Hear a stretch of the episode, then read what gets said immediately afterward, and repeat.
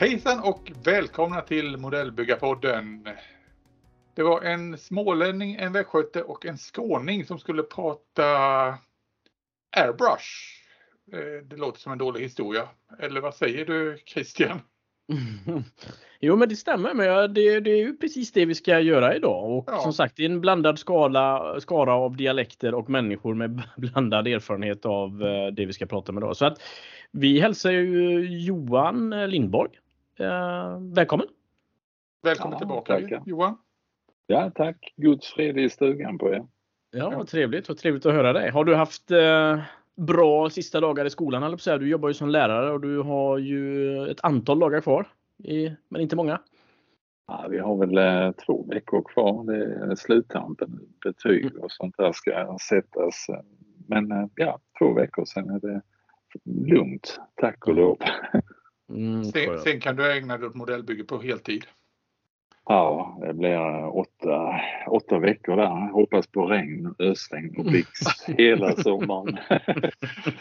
ja. Du eh, Johan, vad ligger på byggbordet nu då? Just nu ligger HMS eh, Helsingborg eller HMS eh, Visby. Jag har inte bestämt mig för versionen. En svensk smygkorvett en, en liten resinmodell med massa ets på. Som jag mm. håller på att fila på. Himla trevlig modell. Jag kommer inte ihåg vilka det är som hade gjort. Ja, jag minns faktiskt inte fabrikat av dem. Det kanske du vet Fredrik? Oj, vilka var det som gjorde den? Nej, det kommer jag inte ihåg, men det var skelett på 350 har jag för mig va? Ja, det var det. Så den är inte så jättestor. Den blev lite drygt eh, 20 centimeter. Eh, lite sådär lagom pillig. Mm. Mm. Ja, vi, ja, vi pratade ju om det, eller chattade om det här om kvällen att det måste vara ett ålderstecken det där med att vi börjar tycka om ets på våra modeller ja. och finner någon slags mm. lustfylldhet över detta. Mm, ja, ja verkligen. Känner du något det, det också Christian?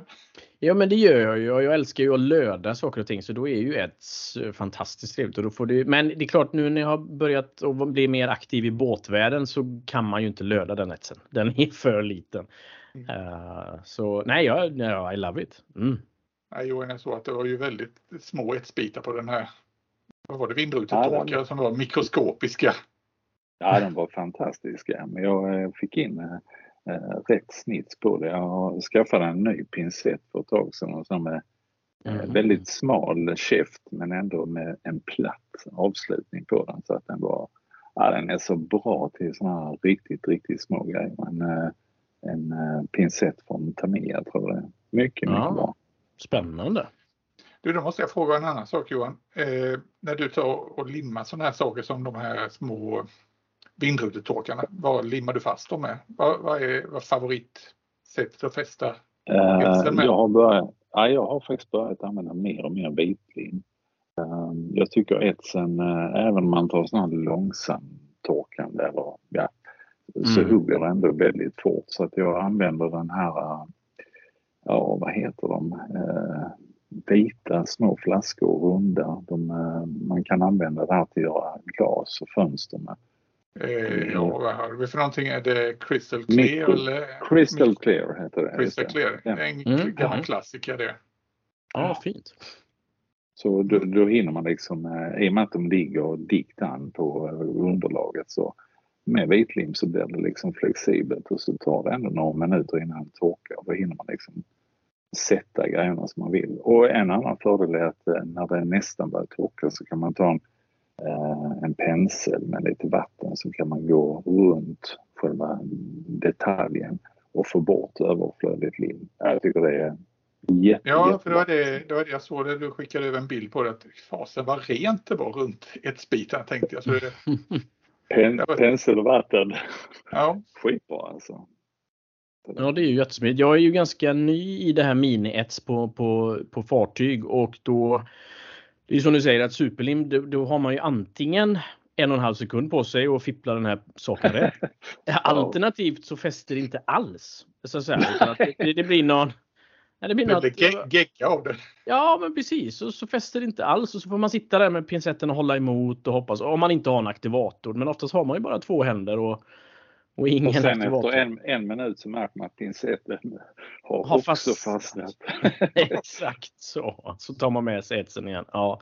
Nej, så att det, det var nog anledningen till att det började mer och mer med vitling. Det, det tar lite längre tid ofta men det tycker mm. resultatet blir bättre.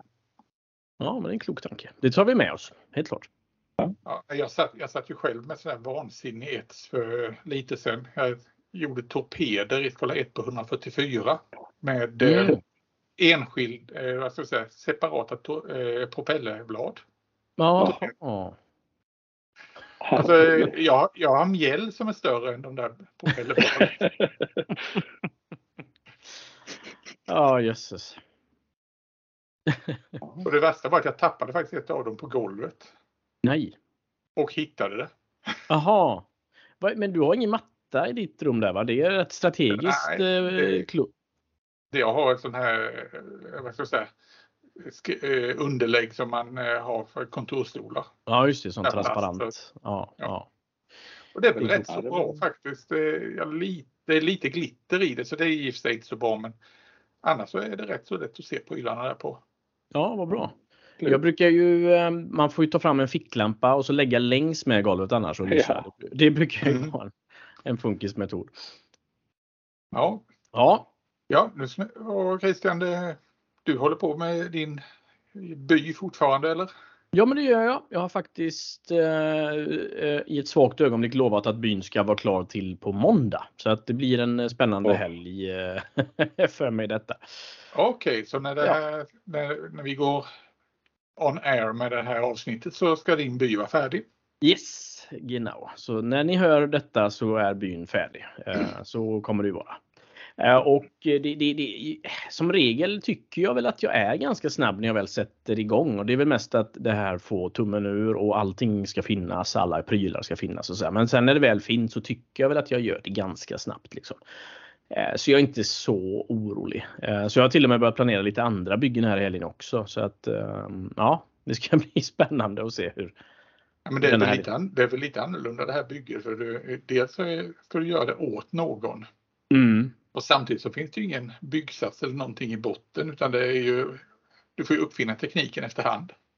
Ja precis och så vill man ju ändå försöka göra det lite intressant också. Så att, eh, nu är det ju, jag var ju eh, lat nog, jag gjorde tre hus och så kapade jag ett lite snett i mitten så att det blev fyra hus till slut. Men, eh, men som sagt man måste göra det ändå lite intressant. Um, och jag kan inte så mycket om bronsåldern så det kan ju inte vara med någon rolig stridsvagn eller någon, någon rolig traktor som vi pratade om innan utan det får ju vara uh, andra saker. Mm. Kommer du ha figurer med i, i dioramat? Eller? Nej, inga figurer, men jag tänkte faktiskt någon form av djur tänkte jag med. Jag har ju Tamias klassiska sån 1-35 ah. eh, livestock set. Så den tänkte jag använda om det ska vara någon gris eller något får eller get motsvarande. Får vi se. Ja. Annars får du dra igång, annars får dra igång 3D-skrivaren. Ja, 3D-skrivaren har jag faktiskt tänkt på om man skulle, ja. jag sökte faktiskt på uh, Goat senast idag, eh, STL. Punkt. Men jag hittade inget speciellt bra så jag får väl uh, leta vidare.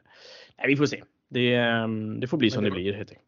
Det var en intressant poäng där, där Johan att uh, grisarna såg ju inte ut som, de gör nu precis. Nej, de var ju, höll på kamouflage de var ju fläckiga och allt möjligt. Ja, just det, precis. Rosa. Det är snarare, det är snarare vildsvin du ska ha alltså? Ja, men på gränsen till vildsvin, ja exakt. Ja. ja, men jag tror det är lite gråa och lite kanske patchy mm. med olika färger. Just det, just det. Mm. Ja, ja. Ja, urban, urban camouflage. Ja, det är spännande. ja. Så att, Men eh, eh, mina herrar, anledningen till att vi sitter här, det är ju inte för att prata grisar. Eller ets heller för den delen. Utan eh, som eh, vi har sagt att vi ska sitta här och eh, ja, gubbgoogla, killgissa, småljuga om eh, airbrush idag. Mm, det stämmer. Våra erfarenheter av detta djävulens redskap eller vad vi ska kalla det. ja, precis. Mm. Och eh, ja, det är därför du är med Johan. För du är, tillhör ju en av våra gurus när det gäller airbrush. I alla fall i min värld. Absolut. Ja, det höll jag på att säga ni också i så fall. jag vet inte. Ibland blir det bra, ibland blir det eh, måttligt imponerande. Men vi, vi kan nog gissa oss fram till något fint här tror jag. Ja men det tror jag med. Och som sagt att vi har ett fokus både på eh, våra erfarenheter som kan röra nybörjare och de som har hållit på ett tag och vad som är nästa steg och så vidare. Så att eh, ja, ja vi hoppas det blir ja, intressant. Jag, jag, jag, tror det är jättebra. Jag, jag tänker själv, jag har inte, alltså det är typ tre år hållit på med airbrush innan. Och med, alltså när man var ung så penslade man alltid och sen satt mm. man och tittade de här Tamiya-katalogerna och undrade, alltså man förstod inte riktigt hur de kunde få sådana nyanser och färger gå in i varandra. Men det, det förstod man ju sen när man började om på nytt. Så att det är Just airbrush. Ja. Men Johan, var det tre år sedan du skaffade din första airbrush eller? Eller har du haft någon innan? Nej, jag har aldrig haft innan. Aldrig. Så, um... Snabblärd då helt klart för du har ju som sagt magiska skills uh, med, mm. med luftpenseln. Det har du ju verkligen. Så att ja, det var inte illa. Själv har jag hållit på i kanske då om man tittar på när man började med de här eh, plastsprutorna, eller man kunde köpa ett paket eh, modell 119 kronor. Det kanske var för 15 år sedan ungefär. Och sen har man aktivt då gått från det, lite bättre till bättre till och så vidare och så vidare liksom uppåt i mm. kvalitet. Vad var det för någonting? Plastspruta? Det har jag inte sett. Nej, men du tänker en sån där klassisk spruta som du kopplar på en liten eh, behållare oh. på undersidan. Ja. Ja, du menar den lilla Badger-grejen typ? Ja, men precis. På enklaste eh, sätt en sån variant. Eh, och så körde jag då med ehm, med en klassisk bil, Biltema-kompressor som utan tank som, som har ett direkt tryck då. Mm. Och det är, ja, från att som du säger ha penslat till att börjat airbrusha så gör ju det en stor skillnad liksom. Men eh, det är när man ska kanske göra de här tyska kamouflagemönstren som man inser att det finns tillkortakommanden i de billigare varianterna. Så är det ju. Så är det. Ja, ja. ja. ja då för, för att vi ska liksom köra nästan den här Monty Python-sketchen eh, om Three Yorkshiremen så kan jag bräcka dig där. ja. Jag började också med en sån där eh, gammal Badger-spruta, ljusblå var den och då är vi tillbaka 40 år i tiden tror jag. Oj. Det var nog första jag köpte. Och eh, nej, kompressor hade jag inte. Jag hade en innerslang till ett bildäck, ett oh. traktordäck. Som, det var ju ändå var ju väldigt... det där med, ja, det där med konstant tryck, det kunde man ju glömma. ja, just det. Och så försökte jag köra det med humboldtfärger. Ja, det gick Aha. så. Aha, okej. Okay, okay. Oj, oj, oj. Icke utspädda humboldtfärger? Eh, man hade inte så jättebra koll på det så det, nej, det blev inte så bra. och det sprutade hej vilt åt alla håll. Det fanns ju ingen nål ens i de där gamla sprutorna utan det var ju bara egentligen en luftstråle som gick eh, ovanför en eh, en sån här sifon ungefär. Ja precis, så Aha. sögs färgen ut på något konstigt sätt. Liksom. Mm. Så, men jag tänker att det var ju oerhört lärorikt för dig. Även om resultatet just då inte gjorde dig nöjd. Men det var ju jättelärorikt.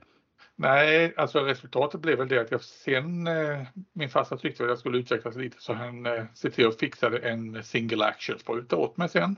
Mm. Alltså där man eh, kunde reglera trycket men inte färgmängden. Utan Nej, fick man ställa med en liten ratt bak så det var ju det var inte enhandsfattning på den. Nej. Eh, den försökte jag använda lite granna men eh, jag kom ju inte överens med det där så det, det var ett antal år där det var ett uppehåll faktiskt. Mm. Där det blev lite sprayburkar och sånt där istället. Men vad, om vi går in på den tekniska delen där som du berättade, om vi ska berätta för, för människor som inte har hållit på med airbrush, så är det ju som du säger de här två parametrarna. Det är ju luft och färg då som, mm. som man normalt sett kan reglera idag med moderna airbrush eh, för en rimlig peng. Uh, double action sprutor så att säga. Sen kan jag se en fördel med en single action spruta att du faktiskt kan reglera till en, om du ska göra ett specifikt smalt spår och så vidare så kan man ju om man har svårigheter att lära sig att hantera båda två. Så.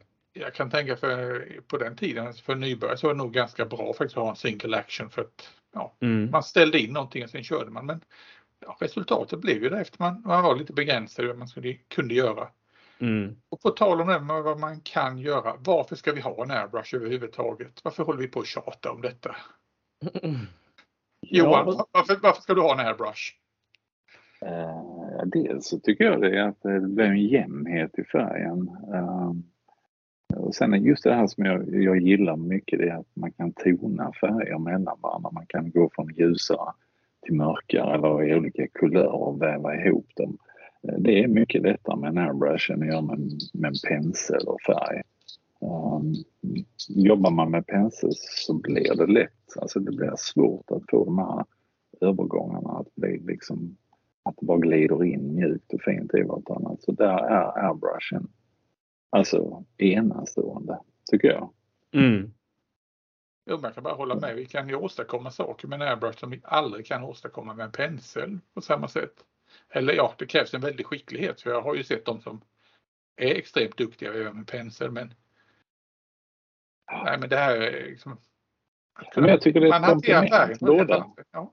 ja, det gör man. Alltså, men båda delarna behövs ju. Men man kan inte eh, detaljmåla allt med en airbrush utan man får gå in med penseln också. Men uh, airbrushen ger ju en, en helt annan dimension av ett, av ett bygge. Det blir faktiskt det blir mer verkligt tycker jag, eh, slutresultatet. Sen har jag sett andra som bara penselmålar eh, och som får alltså helt otroliga resultat. Eh, mm. Så att man kan säkert uppnå eh, alltså, lika bra resultat på båda metoderna. Mm. Men det, det är vissa grejer tror jag ändå som airbrushen är bättre på. Eh, ja, men det jag håller med om. Just att man kan lägga en grund exempelvis på en figur. För det är klart, det är inte bara objekt som vi använder, eh, alltså som stridsvagnar, båtar eller flyg som vi använder luftpenseln till. Utan det kan ju även vara figurer och andra typer av Mm. eh, saker som behöver skuggas. Och ha, så att den är ju som sagt användbar till oerhört mycket. Men primärt tycker jag som bygger mycket pansar att det är ju den här färgmodulariteten som blir att man en pansarplåt som är en gånger en meter har ju inte samma unisonta färg över hela utan det har ju liksom en, en som ni säger en ja, att det går i olika typer av färgnivåer och då kan man ändå få den effekten. Men som, som sagt med en pensel, men då får man ha oerhört lite färg, väldigt mycket eh, förtunningsmedel och så lägga på oerhört många lager. Mm. Ja, men jag tänkte på det. Ni hade något avsnitt ni pratade om äh, chippning och rost och allt vad det var. Och jag menar, om du har lagt en grund och sen strösslat på salt och sånt, just där är ju airbrush, det kan du inte göra med, med en pensel. Att måla nej, ovanpå nej. salten liksom. Eh, eller om Just du har målat med såna, eller med vad heter det, hårspray och sen måla med pensel ovanpå. Jag tror inte det går. Nej, det där är airbrushen, alltså den är oslagbar. Mm. Ja, och det kan man säga också. När vi håller på med båtar framförallt har jag ju märkt att alltså skulle man inte ha en airbrush utan penselmåla detaljerna Alltså gud vad man skulle slå av mycket bitar ja. och liksom få börja om på nytt. Och det, nej, det hade varit en mardröm. Mm. men det, och sen tar det bort som sagt mycket av de här tråkiga momenten. Måla stora ytor och ha dem någorlunda jämna. Att göra det för, med pensel, det är skittråkigt rent ut sagt. Ja, det är det. det, är det. Vad har ni för sprutor just nu då? Nu när ni är proffs? mm. Du skrattar. Ja, Glada jag, amatörer. Mm. jag sitter med en Harden Stenbeck eh, Infinity just nu. Mm. Det är mitt eh, vad ska jag säga, weapon of choice. Ja. Och Johan? Eh, jag har två. Eh, jag har en eh, samma som Fredrik och så har jag två nålar till den i olika tjocklekar. Jag vet inte vilken tjocklek det är. En grov nål och en, alltså som man ofta använder till mm. Lägga lack. 04, vad blir det? 04, ja. 020 och 015 finns det till den här för mig det Ja, 20 mm. tror jag hade, 020 och 04. Mm. Så då, den, den grova använder till såna, lägga på lack och grundfärg. Och sen har jag använder inte den så mycket för jag, eh, jag har inte haft den så länge och jag har inte gett det riktigt en chans. Utan den jag kör på mest är min Badger. Jag älskar den. Man kan glömma bort att rengöra den i en vecka. Sen kommer man in och hackar bort skräpet och sen kör man. Oj, oj, och det går hur bra. Ja, den är fantastisk. Ah, en riktig arbetshäst. Vad häftigt. Det låter som en gammal rysk k-pist från andra världskriget. ja, ja, den, den är otrolig alltså. Den är otrolig och det, det, du får liksom aldrig att den torkar igen när man kör. Den, den funkar alltid. Mm -hmm. Chrome heter den, Renegade Chrome Badger. All right. Riktigt, riktigt bra. Ja, men det är kul att höra lite olika tips. För jag menar ofta så håller man sig till en och så vet man liksom inte att att man ska testa andra eller liksom man har kanske inte alltid möjlighet att testa andra och eh, man kan inte chansa kanske heller när någonting kostar 1500 till 4000 spänn. Liksom. Det är ju... Men eh, Christian, vad, du, vad kör du för någonting? Då? Jag kör eh, Ivata HPCS så det är en ganska basic maskin. Och innan dess har jag alltid uppskattat att köra lite Ja, men lite åt Biltema Wish-hållet. Få hem en, en, en pillefjonk från, från eh, Asien för 120 spänn och så köra på den tills den ger upp. Liksom. Men nu har jag börjat köra med Iwata HPC så det tycker jag den är, det är klasskillnad på det och en Biltema-maskin. Det är det absolut. Men det är intressant för då har vi ju liksom, var och en av oss har, använder ju de stora märkena. Mm. Vi, har, vi har de tre stora så att säga. Ja, just det. Mm. Mm. Ja, så, jag tycker det man märker, jag började också sådär med Biltema. Eh, mm. Men det man märker, alltså jag tycker man kan måla lika bra med en billig, jag vet jag pratade med han Lasse Enfjord, eh, han som bygger flygplan mycket. Mm. Och han sa ju det i början att jag målar bara med någon billig Biltema-spruta. Jag tänkte han är, han är gud på detta, alltså att måla med airbrush. Så mm. att resultatet kan bli jättebra med dem också. Men eh, det mm. man märker skillnaden på det är ju hur länge de håller eh, och eh, att lätta, de är lätta att rengöra. Ja. Eh, oändligt kan, mycket lättare tycker jag. Ja. Men det kan vi väl säga att är man nybörjare eller intresserad av att sätta igång med airbrush så, så ska man inte ge sig på att köpa de här dyra sprutorna utan då tycker jag man ska börja i alla fall med någon av de här. En billig Biltema-spruta eller som du säger en Kina-spruta. Mm. Och eh, känna sig för. för jag upplevde i alla fall själv att eh, jag hade inte kunskapen för att eh, kunna utnyttja vad ska jag säga, den här extra kvaliteten som finns i en, nej, nej. I en nej, just, just det. det hade ju bara varit pärlor för svin i mitt fall att om jag hade börjat med en Infinity.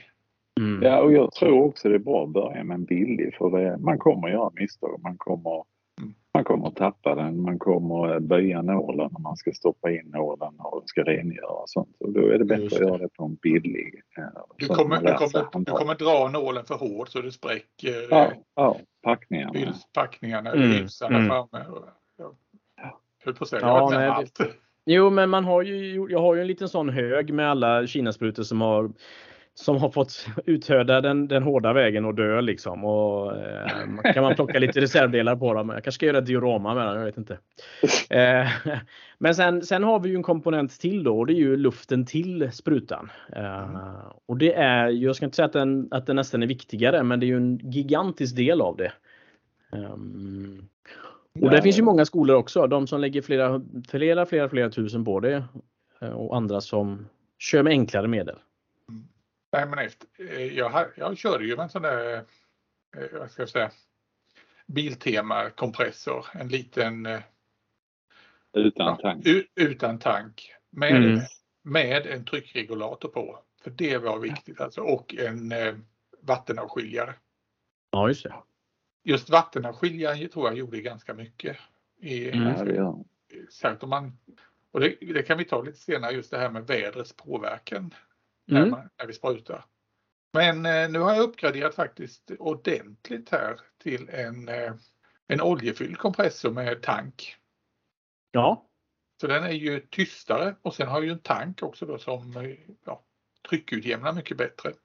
Ja, det kör jag också med. Jag vet inte riktigt vad det är för märke men det är just skillnaden. Jag hade också en sån Biltema. Det, det här är så tyst mm. och att det är liksom ett konstant jämnt tryck i den.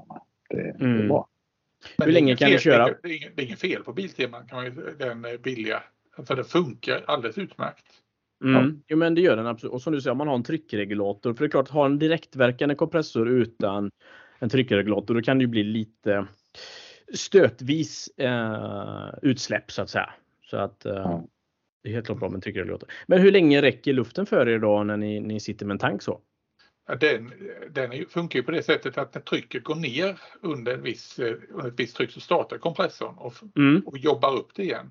Precis, men hur länge tar det innan det ja. startar tror du? Det beror på vilket tryck man kör med. Om ja. lägger du på till exempel en lack och du sprutar på flödigt så då kan det bara ja, 20 sekunder sen så går kompressorn igång. Ah, okay. mm. Men sitter man och mm. måttlar på ett tyskt jaktplan så kan man hålla på en bra stund. Ja. ja, då kan man sitta fem minuter i alla fall tycker jag. Ja, ja. Innan kompressorn går på.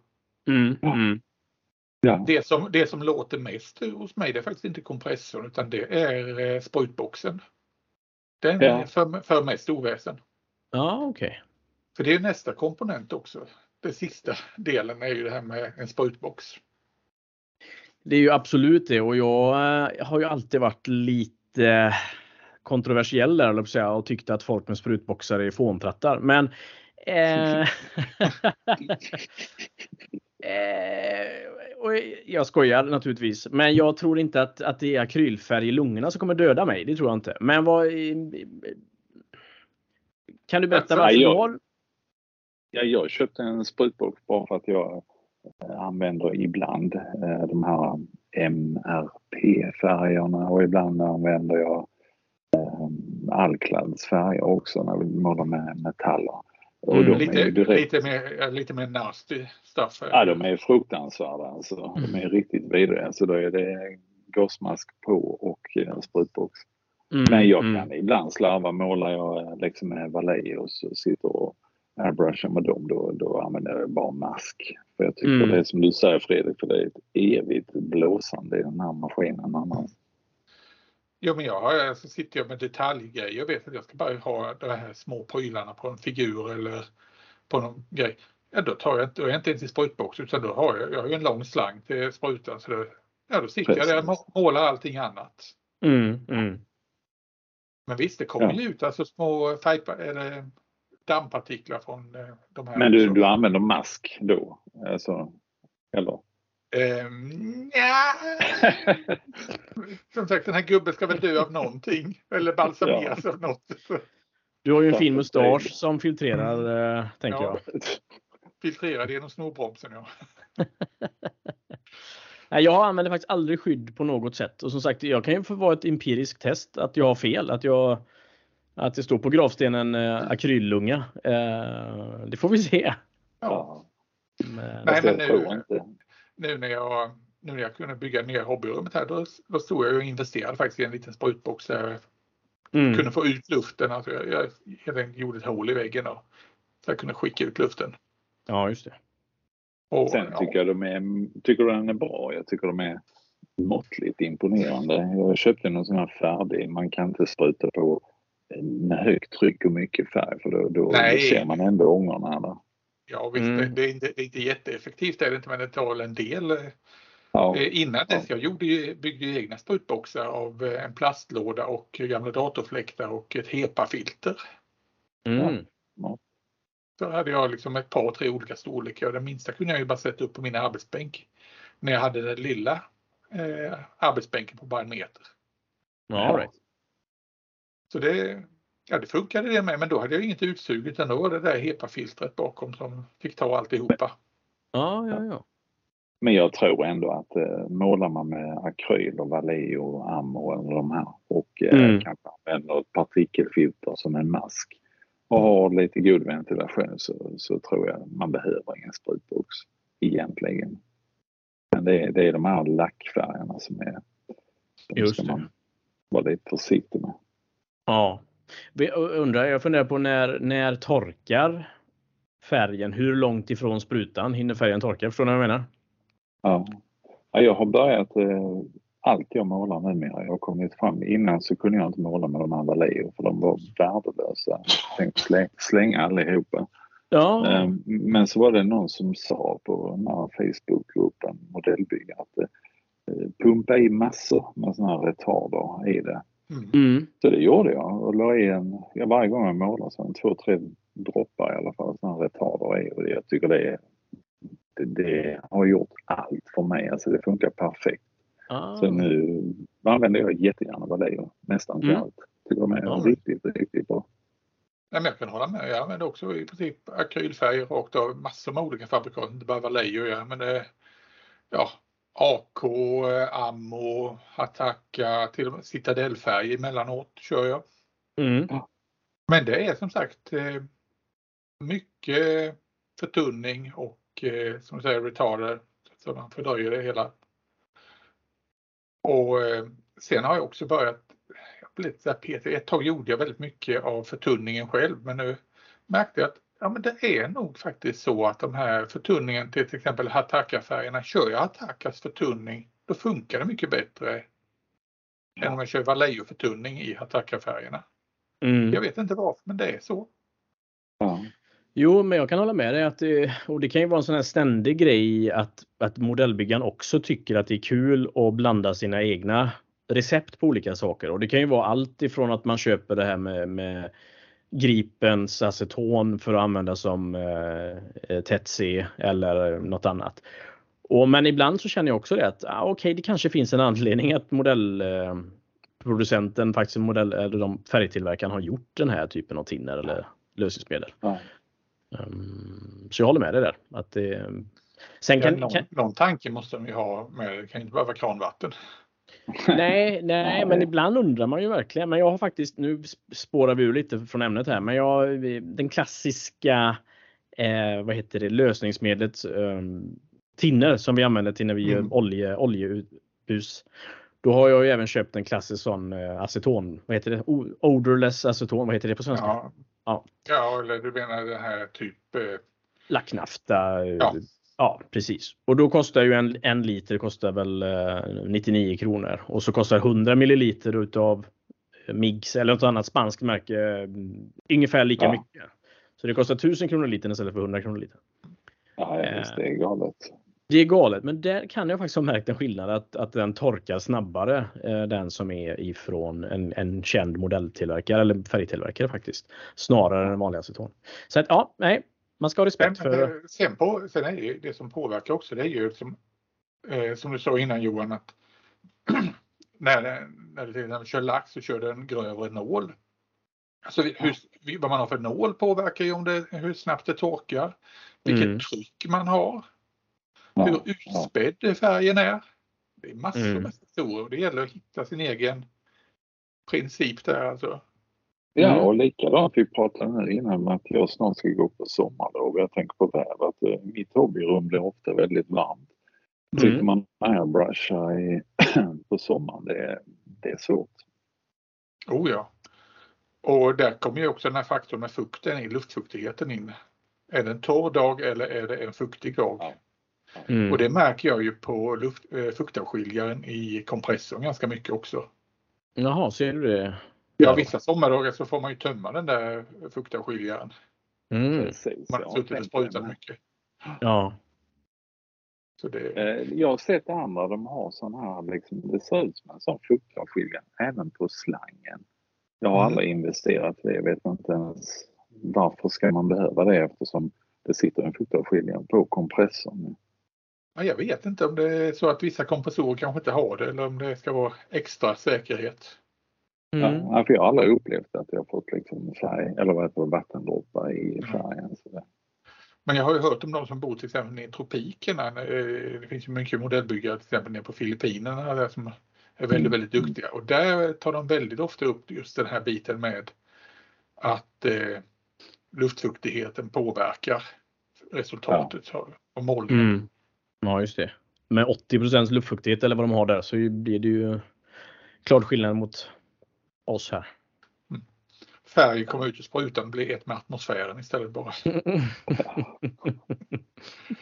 Mm. Det, var, det, var, lite färger det. Vi kommer fram till i princip då att eh, ja, man kan använda nästan vilka färger som helst, bara man har rätt förtunning. Ja, ja det, är, det är väl kontentan av det hela. Men sen, ja. Eh, som du säger Johan, en del färger är lite ruggigare. Vad sa du, vilka färger är? Ja, vissa färger är lite ruggigare att jobba med. Ja, det är de. Det är de. Eh, men jag tänker de här så kallade ruggiga färgerna, MRP till exempel, de är ju Alltså de är ju bäst. De, de riktigt giftiga färgerna är ju egentligen bäst att spruta med. De är ju riktigt, riktigt bra. Men mm. eh, ja, jag tycker ändå man, eh, man uppnår mer än acceptabelt resultat med vanliga kryddor och då kanske man inte behöver utsätta sig för alla de här lösningsmedlen. Men det har väl också lite att göra med vad är det för någonting som man ska måla? Vad är det man ska eh, återskapa för någonting? För jag har förstått då till exempel när du pratar om eh, MRP-färgerna och det att det är till exempel ska man ha en superblank yta eller mm. metallyta eller något sånt där så är de totalt överlägsna. Ja det är de. Och jag tänker på de här alkladd också. Vill man ha mm. alltså riktig, riktig metallglans så alltså det, det är inget som slår dem. Ja, jag är helt enig. Det är nog i princip nästan det enda jag brukar spruta som inte är akrylbaserat och det är ju alkladd. Helt klart metallmässigt då. Uh, för att jag tycker att allt annat som Ja, men det, det, tar emot lite grann att stoppa in saker som måste användas lösningsmedel för att göra rent. För att jag tycker ju att sprutrengöringen inte är rolig. Mm. Uh, så så, så um, att kunna rengöra med vatten eller åtminstone i alla fall någon form av eh, vattenlösligt tinner tycker jag är lättare. Jag uppskattar det. Men du Johan, du som sitter med de där grejerna, eh, MRP och Alclad och dem. Jag vet eh, vid något tillfälle att du har pratat om att är det MRP som har till och med ett tvåkomponentslack att köra som man kör där. Ja, de har det också. Jag gjorde ja. en Porsche någon gång, då hade de ett sådant. Uh, hur, är, hur, är de, hur är de att spruta? Det, funkar de precis som alla andra? För Ja, det gör de. Det jag blir livrädd när jag tänker tvåkomponent för då tänker jag epoxy, något som stelnar på stött. Ja, det gjorde det inte. Det gick bra att spruta dem, men däremot så var det, ja, det var svårt att rengöra. Det var en sån som tog tid att verkligen få rent ordentligt. Så den aktar jag mig noga för hädanefter. Men annars är MRP rätt så lätt att göra rent. Jag brukar bara använda, eh, vad heter det, en T-röd. Det går alldeles utmärkt. Mm. Och vill man få det riktigt rent så är det bara att köra sån lacquer thin och ta med vad är det, gul kork eller något sånt. Så brukar det bli rent. Mm. Ja, right, right. Men ja. Eh, jag vet inte vad fönsterputs tycker jag funkar bra. Det säger de att man inte ska använda för att det ja, äter upp eh, legeringarna på insidan på något sätt. Men, eh, ja, precis, precis. Ja, jag har nog det var väl kromet eller någonting det skulle ätit upp i gamla tider. Ja, jag vet min Badger Chrome. Den heter ju Chrome. Den har jag ja. kört fönsterputs genom hur mycket som helst. Den är så blank fortfarande. Mm. Att, eh, ja, jag vet inte. Det är kanske om det innehåller ammoniak som inte är. Ja, det, det, kan nog stämma. Det är nog just det här med ammoniak. Men frågan är om inte är det som sagt de här gamla skrönor tror jag nästan på. Ja, jag vet ja, inte. Jag har inte haft några problem. Och ammoniak används väl knappt längre idag heller på det sättet. Så att det är nog svårt att hitta det i fönsterputs. Jag använder fönsterputs i, till sprutan när jag kör den i min eh, putsrengörare och det gör jag inte så ofta. Men... Du sa att du körde fönsterputs? Med ultraljudsvett där ibland ja, precis. Ah, men det är, ju, ah. eh, ja, ja. Det, det, är inte ofta jag gör det, men då har jag använt det. Ja, men om, eh, om vi nu tänker om vi ska ge några råd till den som börjar med eh, Eh, men airbrush, vi kan ju säga att det här med tekniker, hur man använder airbrushen, det finns ju hur, förmodligen hur många sätt som eh, ja, det finns eh, personer som använder airbrushen. Men vad, mm. vad ska man tänka på egentligen? Vad, vad, har, vi, jag, vad har vi att skicka med? Jag tror det viktigaste är egentligen att man, alla de här som det står att de är färdiga att användas i airbrush, det är de inte tycker jag generellt sett. Utan man behöver spä dem lite till, gärna använda retarder och sen jobba med ganska lågt tryck. Många tror jag, i alla fall i början när jag körde, eh, så skruvade man upp kompressorn på alldeles för högt tryck. Eh, mm. Jag tror egentligen att man ska jobba långsamt och ha ett lite lägre tryck i kompressorn. Eh, har du en tunn, en utspädd färg så, så är det bättre att jobba med lågt tryck. Så att inte ha för tjock färg och inte ha för högt tryck. Ja, men det är väl det stora misstaget som många nybörjare gör, för jag vet jag själv varit att man vill få en täckande yta det första man får. Mm, ja. mm. Man tror liksom att okej, okay, ett drag med airbrushen eller först hela den omgången, då ska jag täcka alltihopa. Då ska jag inte se någonting av grunden igenom, utan då, då ska jag vara färdig. Ja. Så är det ju inte. Nej, och vänder man på det att, att, om det blir den effekten så är ju risken gigantiskt stor att det rinner, klumpar sig, att det inte blir bra och så vidare. Så att det är ju snarare att man ska försöka undvika den typen av, hellre då att man lägger på två, tre lager efter varandra. Liksom. Ja, och ja, där får man ju... Förlåt. Nej, förlåt Johan, fortsätt du. Nej, jag bara tänkte på just det som du säger Christian, man lägger tunna lager. Det är då man kan få det här att man kan väva in färger i varandra. Att gå från en mörkgrön till en ljusgrön. Man lägger tunt, lite mm. i taget bara. Men om man bara blaskar på på alltså en bilspruta, man ser lackboxarna om vackra bilar blåser ut hur mycket som helst. Då får man ju en täckande död yta tycker jag. Det blir bara helt liksom platt. Precis. Just detta då... att jobba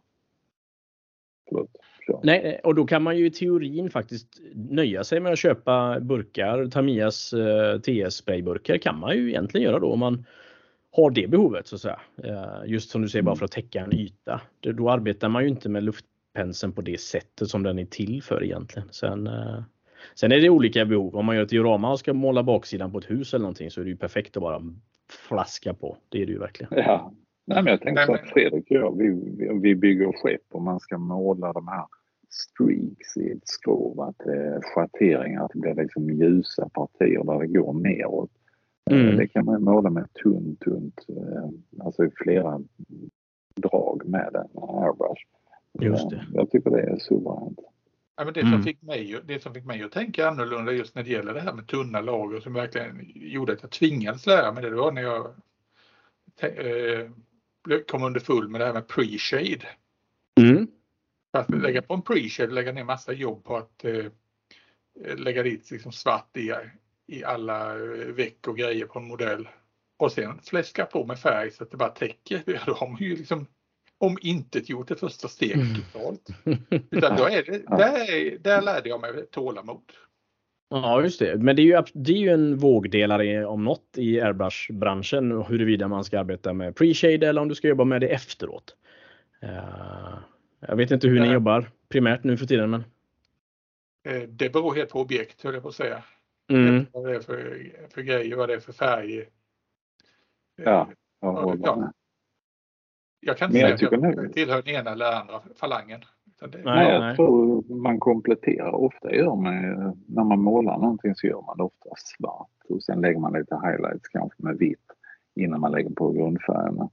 Mm. Men man ser ju sen när man är färdig att det här behöver jag förstärka. Här behöver jag göra lite extra modulering. Mm. Så jag tror egentligen man gör både pre-shade och post-shade mm. egentligen. Nej, men vad har vi mer att säga liksom när det gäller teknik som är eh, viktiga? Ja, ta det lugnt framför allt. Ja, det är tålamodet framförallt. Ja. Att, eh, och uppskatta det, att, tycka, att våga prova olika grejer för det, det är himla himla kul. Mm. Mm. Och inte blanda till för mycket färg varje gång utan ta små, hellre små, flera små doser. Mm, absolut så. Utnyttja den här lilla pausen emellan för att liksom få lite distans till det man pysslar med. Ja. Mm. Det är sant, det är sant. Och blanda in, ja det kan ju också vara olika. Vissa blandar ju i koppen och andra, jag blandar ju personligen i ett eh, shotglas, ett snapsglas, eh, modell plast som jag köper på Biltema för vad är det, 10 kronor 25 stycken eller någonting. Eh, och då kan man få fram nyans och då brukar jag ofta spara lite grann av den som finns där i. Så kan man hälla i lite ljusare då för att ta nästa färgmodulering och, eller mörkare om man vill gå ner i färg då. Ja. Men det vi pratar om ut, utrustning förut också så, så tycker jag ju alltså att, att börja med en Biltema-spruta för 399 kronor det är, det är absolut gångbart och det jag tycker att det är ändå det där man bör börja. Och märker ja. man ganska snabbt att det här fungerar så, så, så köp en spruta från de kända märkena. Så, uh, och vissa märker skillnad och andra gör det inte. Så, uh, ja, jag antingen, tänker en sån här grej. Mm. Ja, en sån här grej, vad, vad ska man börja med för nål? Alltså en allt i all nål. Är det 03 nålar typ? Kan det vara lagom? Ja, 03 nål. Eh, historiskt sett så har jag haft mest nytta av en 03 nål. Mm. Mm. Nu har ju inte eh, den här Infinity-sprutan 03 utan de ligger på 02 och 04. Jag saknar 03 eller 035 som storlek där. Jag vet inte varför de valde de storlekarna men ja, ja, nu är det så. Det är därför du ska ha Badger Chrome. Den har det. Perfekt. Mm. Ja. Jag höll på att säga, det har ju några av mina gamla Kinasprutor också. För den delen. Det är bra grejer. Ja. Ja. Nej, men det här med att blanda i koppen, det är intressant att du sa det Christian. För det, det för mig beror det helt på vilket färgfabrikat. Mm, okay. Till exempel Vallejo Air-färgerna, de kan jag blanda direkt i, i färgkoppen på sprutan. Det är mm, inga mm. problem, det funkar perfekt och då har jag en sån här liten eh, blandningsspatel som är från eh, Tamiya som är, de säljer i två pack. All right. Jättebra små verktyg. Mm, mm. Det är någonting i rostfritt stål. Men ska jag däremot köra Hataka-färger, de här polska, mm. eh, som kan ju vara aktuella just för svenskt eh, vidkommande för att de har en serie med svenska flygvapenfärger. Just det. Eh, de funkar inte att köra direkt i sprutan har jag märkt, utan de får jag alltid blanda i en kopp vid sidan om. Okej, okay. och spä ut dem menar du? Ja, blanda, spä ut dem och blanda, blanda där. De kan jag inte köra i färgsprutans kopp direkt. Nej, just det. Just det. Utan det, det skiter sig. Ja. Jag tänkte, eh, använder ni för verktyg för att rengöra? Jag, tops och papper är jättebra, men jag tänkte på den här själva den delen längst uppe, där, vad heter det, nozzle, jag vet inte vad det är på svenska, där nålen går ut genom. Mm. Har ni något verktyg för att rengöra den? Jag brukar alltid få liksom stoppa in en pensel, en fin pensel. Mm. Jag har, ja, jag har en sån här liten eh, en sån här metallspets som ska passa just eh, den spetsen. Alltså, det är sådana här små airbrush-verktyg och sen väldigt små eh, flaskborstar. Sådana mm, som man har till vad ska jag säga, tandrengöring. Ja, jag hittade på apoteket sådana. De var faktiskt eh, användbara. Jag har nog aldrig gjort rent det faktiskt utan jag tänker att när jag sprutar rent den och så naturligtvis så måste man ju backspola dem också och hålla för uh, nosen. Det är ju uh, det har ju det har jag ju inte vetat så länge så det har ju räddat många sprutor för mig det sista kan jag säga. Eh, det här med backspolningar. Ehm, men jag har aldrig gjort rent själva nosselhålet så att säga. Jag har inte haft det behovet faktiskt. Herre Jesus, hur har du lyckats hålla det ja, ja, jag, jag skulle precis säga det. Hur har du inte fått liksom en klumpa i färgen? Nej, det är nästan konstigt kanske. Sen så sprutar jag ju igenom. Jag, jag står nämligen i köket vid min, just nu då, så som jag bor. Så står jag i köket och så står jag vid eh, sinken, vad heter det? Ja, alltså där vi diskar. Diskhon. Diskhon, tack. Eh, så att då då sprutar jag ganska länge med sprutan, både med vatten och, och airbrush-rengöring och så vidare. Och så, vidare. så jag tänker att den, den blir väl ren på det sättet. Jag vet inte. Ja, jag börjar köra en annan sak när jag kör så här små, eh, ja, sprutar mindre grejer. Och det är mm. att jag har en, en stor kaffemugg med vatten som jag sänker ner eh, den till, ja, till hälften så att halva koppen är nere där och bara blåser mm. igenom det så jag kör runt vatten. Det är mm. någonting jag sett ah, från eh, figur, figurmålare. Använder ganska mycket det tricket. Ja, så att okay, du okay. stoppar ner eh, alltså airbrushen och sen så kör du alltså, i koppen och sen så kör ja, du. Eh, det gäller att ha så att det, det gäller så att hela tiden kan komma nytt vatten ner i, i koppen. För det, alltså sprutar man ut luft rakt ner i koppen, då har jag ju vatten över hela arbetsbänken. Mm, mm, ja, det är klart. Om jag kör det, det var ju jättesmart. Det måste ja, men det, det, det är bra om man kör flera olika gånger för det är också så här, hur ofta ska man rengöra? Ska man ta och göra en totalrengöring efter varje färg? Mm. Eller efter varje session? Eller det finns ju de som, okej okay, nu har det gått 14 dagar, nu kanske det är dags att rengöra sprutan. Det är jag. Ja. Men, vad, ja, det... för ni gör ni inte rent den varje gång ni använder tänker ni då? Utan ni, då spolar jag, ni bara igenom? Jag kör ju efter varje session som jag har haft, då rengör jag den ordentligt. Men mm. ska jag bara byta färg, då, då tar jag en enklare rengöring. Ja, men det håller jag med om. Det håller jag med om. Absolut. Men jag gör, rengör den också som att den ska ligga i flera veckor även om jag vet att jag ska använda den imorgon eller något sånt där. Det gör jag ju. Men eh, efter varje session då plockar jag ner den alltså i sina beståndsdelar och tar en snabb rengöring av den. Kör igenom den, torkar av eh, nålen och sådana saker. Mm, mm. Nej, jag gör nog inte det måste jag väl säga. Jag gör det med Havel Stenbäcken, det gör jag för den, mm. den kräver lite mer eh, underhåll. Eh, och när man väl ger den underhåll så tycker jag den sprutar jättebra. Men mm. ja. Badgern är, det är den ryska T34 med airbrush-form. ja. Nej, men du gör inte med spett och ståltråd och så är den... Jajamensan. Ja, Sen blåser man igenom med, med napalm om det blir för skitigt. ja, grymt bra. Grymt bra. Nej, jag tycker att eh, Infinity har en Stenbeck-spruta. Det är mycket lättare att rengöra än en Kina-spruta. Det har jag ju märkt. Alltså delarna, ja. de, de, eh, jag höll på att säga, det, det är som det militära när jag jag fick ju bara ha en, en K-pist 45 där och det var ju bara nio delar så det var ju enkelt att rengöra allting. Så stod ju killarna i närskyddsplutonen jämte med sina AK4 och miljoner delar. Mm. Och det tycker jag var skillnad mellan sagt, den enkla Harden Steinbeck och den här Kinasprutan som kan vara hur mycket småbitar som helst. Ja, ja. Och sen tycker jag att det kan vara en annan beläggning på vissa kinasprutor så att färgen har ett behov av att fastna i den mm. på något sätt. Om man jämför med finare och dyrare.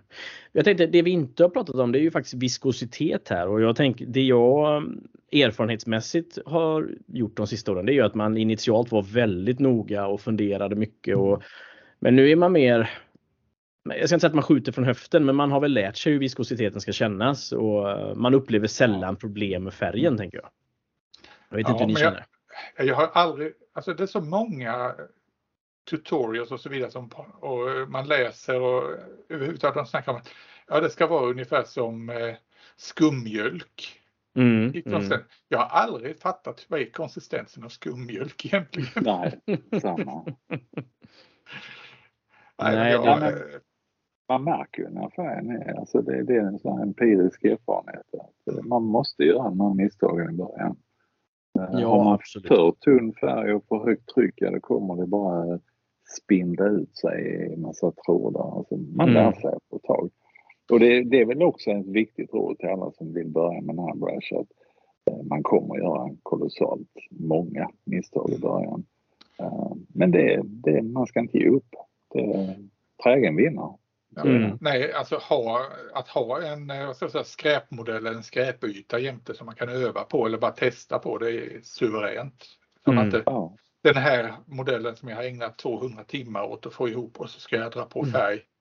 Ja. Och jag har och jag aldrig tänkte... kört airbrushen förut. Nej. Nej, men jag tänkte så många som är tränare så gör man det på papper. Det är inte att rekommendera därför att papper suger åt sig färgen direkt. Just Plus att det är smal yta också. Mm. Ja, nej, men jag menar går du med den färgmängden och trycket mm. kanske över på en plastmodell, då kanske färgen bara rinner iväg. Så att eh, öva på mm. en skräpbit av plast eller någonting sånt. Ja, och mm. jag tycker framförallt öva på någonting som har då en, eh, en böjd yta i tre dimensioner så att man förstår ja. liksom att man kan inte hålla sprutan på samma avstånd hela tiden för då blir det olika. Utan man måste lära sig att sprutan måste följa med konturerna på på det man jobbar med. Mm. Beroende på hur, vad man vill måla givetvis men att eh, man måste lära sig hantera den biten. Ja. För ska man sen göra sådana här saker som en pre-shade till exempel, ja då gäller det ju verkligen att kunna följa med ytan. Mm. Annars, mm, är, annars är man ju helt körd. Ja, nej, men det är sant. Och jag tänker att som regel så tror jag att det är bättre att man börjar med mer utspädd färg än man tror, eller på att säga, och så gå åt andra hållet än, än tvärtom. Eh, för att kunna slippa kloggande och kunna göra rent den sen. Så. Jo men det är väl, det är väl som du säger, ungefär regeln är att okej okay, när du tror att du har färgen i rätt konsistens, för det är mm. så de säger att ja, du ska spä den så och så mycket, för det är färgfabrikat. På med 50 eh, förtunning till. Då är vi närmare oss något som liknar vettigt. Det var, det, men, men det, där, det där är ju alltså från fabrikat till fabrikat. Ja, ju. ja, ja. ja så är det. Absolut. Så man måste lära sig känna sina fabrikat. Mm. Ja, spännande. Yes. Det har varit eh, lärorikt och intressant detta, helt klart. Och alltid kul att höra hur andra gör, även om vi i princip har samma målsättning att måla med, med luftpenseln, airbrushen på ett snyggt sätt. Så har vi olika tekniker, olika fabrikat och, och det tycker jag är spännande. Mm olika uthållighet. Ja. ja. ja. Nej men det var jätteroligt att ha med dig Johan. Du, ja, det var som sagt, eh, i, mina, I mina ögon så excellerar du i användandet av den här airbrushen. Jag mm. förstår fortfarande ja. inte hur du beter dig och eh, du, har, du har lovat mig att vid något tillfälle Ja men vi, vi eh, skulle stråla samman i sommar. Ja vi ska ju träffas i sommar så då får ja. vi köra lite airbrush. Mm, ja. Det var kul. Ja. Du får lära mig allt du kan. Som, eh, ja, de säger, vet jag inte. Som de säger i Djungelboken. Ja, det lär väl gå ganska fort. Det är på en hög nivå redan skulle jag vilja säga. Ja, nej, det varit ja. fantastiskt kul att ha med dig Johan och det jag hoppas inte att det är sista gången heller. Så att, uh, det... Du är ju vår meste gäst just nu. Mm. Ja, det är tredje gången nu tror jag. Ja. Får vi se om vi tappar nästa alla gång, lyssnare gång, nu. Nej då, men nästa gång förväntar vi oss att du tar introt också för då är du väl en del ja. av podden. Precis. Ja, då ska jag göra det. Ja. Då kör vi på det.